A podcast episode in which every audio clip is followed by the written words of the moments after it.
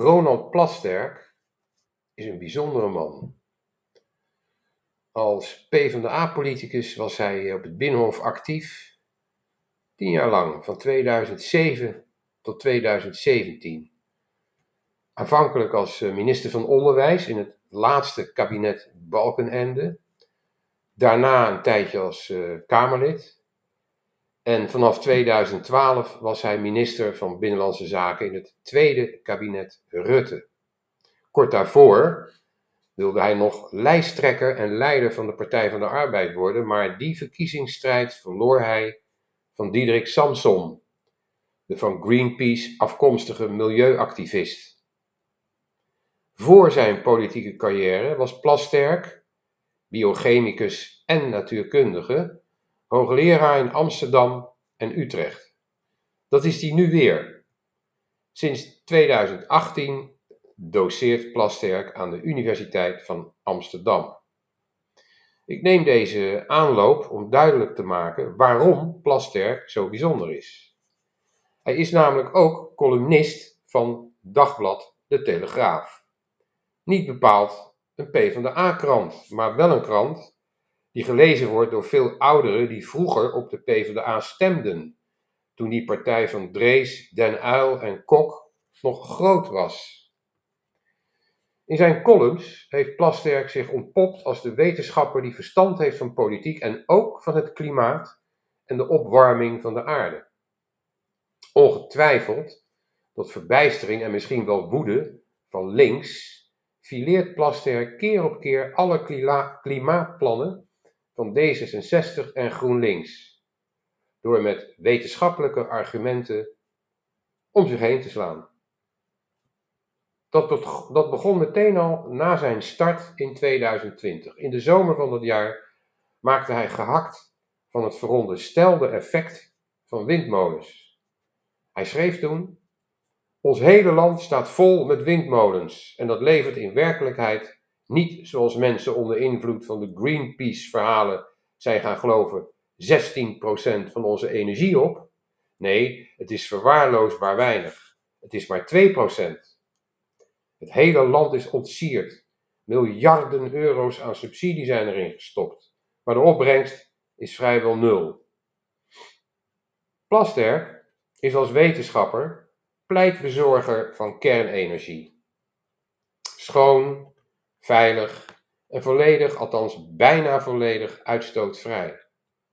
Dat het nieuwe kabinet heeft besloten om twee nieuwe kerncentrales te bouwen, lijkt op het verhoren van een wens. Maar dat is het natuurlijk niet. D66 heeft het als anti-kernenergiepartij moeten slikken in ruil voor een megalomaan bedrag voor terugdringing van CO2-uitstoot namelijk 35 miljard euro. Geen miljoen, nee, 35 miljard. Dat is 35.000 miljoen euro. Er is geen land ter wereld dat zoveel geld wil uitgeven aan de vermindering van koolstofdioxide in de atmosfeer, zonder te weten hoe dat varkentje te wassen. De Nederlandse bestrijding van de opwarming van de aarde is in de opvatting van Plasterk een lachertje waarom je eigenlijk zou moeten huilen.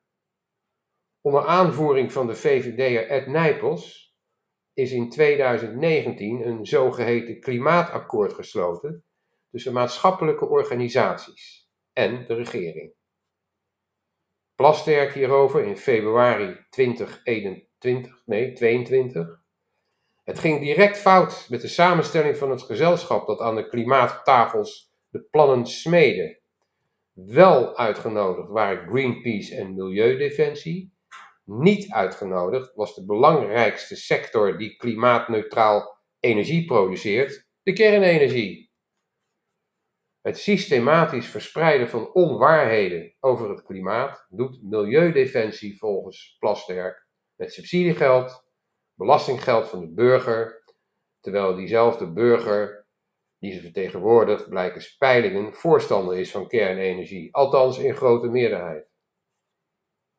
Het klimaatakkoord kan dus de papierversnipperaar in, ook al omdat windmolens geen zoden aan de dijk zetten. Plasterk Alleen sommige doorgedraaide GroenLinks-wethouders menen in, in ernst dat er nog veel meer bij moeten komen. Bijvoorbeeld in Amsterdam, waar alle inwoners een uitnodiging eh, kregen om inspraak te hebben over de vraag waar in hun buurt de lawaaiige industrietorens gebouwd moeten worden. Niet of ze er moeten komen, maar alleen waar. De GroenLinks-wethouder had het besluit al genomen. Niet windmolens of zonnepanelen op je dak, maar biomassa is de belangrijkste reden waarom het klimaatakkoord in de afvalcontainer moet, vindt PvdA Plasterk. Tweederde van het klimaatakkoord gaat namelijk over biomassa. Biomassa, wat is dat eigenlijk? Dat is verbranding van hout uit gekapte bossen ter opwekking van elektriciteit. De uitstoot door die verbranding levert drie keer zoveel CO2 op in de atmosfeer als verbranding van aardgas, stelt biochemicus Plasterk. het is eigenlijk nog erger, want een kerncentrale stoot 5 gram CO2 uit per eenheid elektriciteit, terwijl een gascentrale 130 gram uitstoot met dezelfde eenheid elektriciteit en een biomassa-oven 400 gram. Dat is dus 80 keer zoveel als een kerncentrale. In de documenten van het klimaatakkoord is afgesproken om deze uitstoot niet mee te tellen van de biomassa. Het staat er echt letterlijk in. Intussen meldt het CBS, het Centraal Bureau voor de Statistiek, dat de totale CO2-uitstoot in 2021 met 16% is gestegen door de toename van het gebruik van biomassa. Voor dit jaar, 2022, geeft het kabinet, lees D66-minister Rob Jetten van Klimaat en Energie, 814 miljoen euro subsidie uit voor uitbreiding van biomassa. 814 miljoen voor nog meer biomassa, nog meer verbranding van elders op de wereld gekapte bossen vooral in Brazilië en in de Baltische Staten. Hoe milieubewust ben je dan bezig? Plasterk is een uh, academicus die vindt dat de PvdA, die inmiddels is gemarginaliseerd tot een kleine partij met nauwelijks nog enige invloed, zich weer moet, in, zich moet richten op het gewone volk, op Jan met de pet, op de werkster, die thuis bij de hoogopgeleide D66'ers en GroenLinksers in hun dure woonbuurten in Amsterdam en Utrecht de huizen schoonhoudt. Kortom, op het publiek dat in de vorige eeuw van de PvdA vaak de grootste partij wist te maken, of in elk geval de tweede, direct na het CDA, waar ook niet veel meer van over is. Voorbeeld van hoe het niet moet is volgens Plasterk Amsterdam en de wijze waarop de politie daar preventief mag fouilleren op messen, vuurwapens en boksbeugels onder jongens vanaf een jaar of 14, 15. In de hoofdstad moet een agent zich daar laten vergezellen van een burgerwaarnemer om te voorkomen dat hij anders alleen Marokkaantjes en andere niet-blanke jongeren aanspreekt. Deze absurde voorwaarden hebben D66 en GroenLinks in de gemeenteraad gesteld en de meerderheid heeft het overgenomen. Overal elders in Nederland mag de politie preventief fouilleren op wapens, maar in de Republiek Amsterdam kan dat niet zomaar. Net zoals je in de hoofdstad niet mag zeggen dat jongens van Marokkaanse afkomst homohaters zijn, omdat ze dat thuis leren. De opbrengst van het Amsterdamse fouilleren is trouwens minimaal, maar dat komt doordat de gemeente van tevoren aankondigt op welke dag en in welke buurt er gecontroleerd gaat worden. Ja, dan kun je het inderdaad net zo goed niet doen. De mooiste column van Plasterk tot nu toe verscheen in december 2021 in de Telegraaf. Daarin toont hij aan dat het stikstofprobleem, dat is dus iets anders dan CO2, het stikstofprobleem, waardoor er niet meer gebouwd mag worden, een puur Nederlands probleem is. Dat ambtenaren hebben bedacht. Plasterk schreef: De stikstofcrisis bestaat niet. Het is een bureaucratische werkelijkheid van door ambtenaren gecreëerde problemen. Als je naar de kaart van Nederland kijkt en die van Duitsland en België erbij neemt, dan zie je dat de grens precies de scheidslijn is tussen wel stikstof en geen stikstof.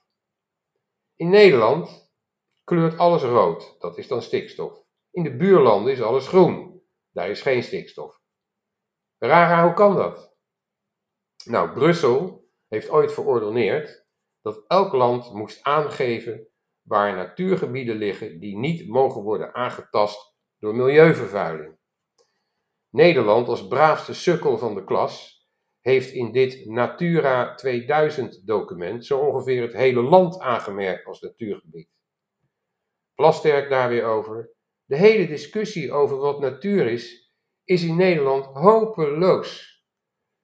De Veluwe was vroeger een bosgebied, maar voor de bouw van de Amsterdamse grachtengordel is dat allemaal gekapt. Amsterdam, die stad gebouwd op palen, weet je wel. Tegenwoordig loopt er hier en daar een wolf rond, die bijt wel eens een schaap dood. Dan schreven we moord en brand om dit natuurlijk fenomeen. Maar is het erger dan een rituele slacht? Voor het schaap maakt het niet uit.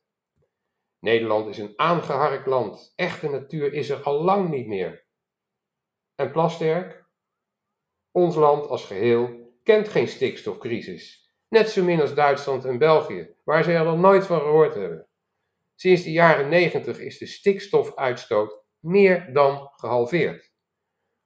Er is nu een speciale minister voor stikstof benoemd. Die heeft de VVD ergens uit de provincie opgeduikeld.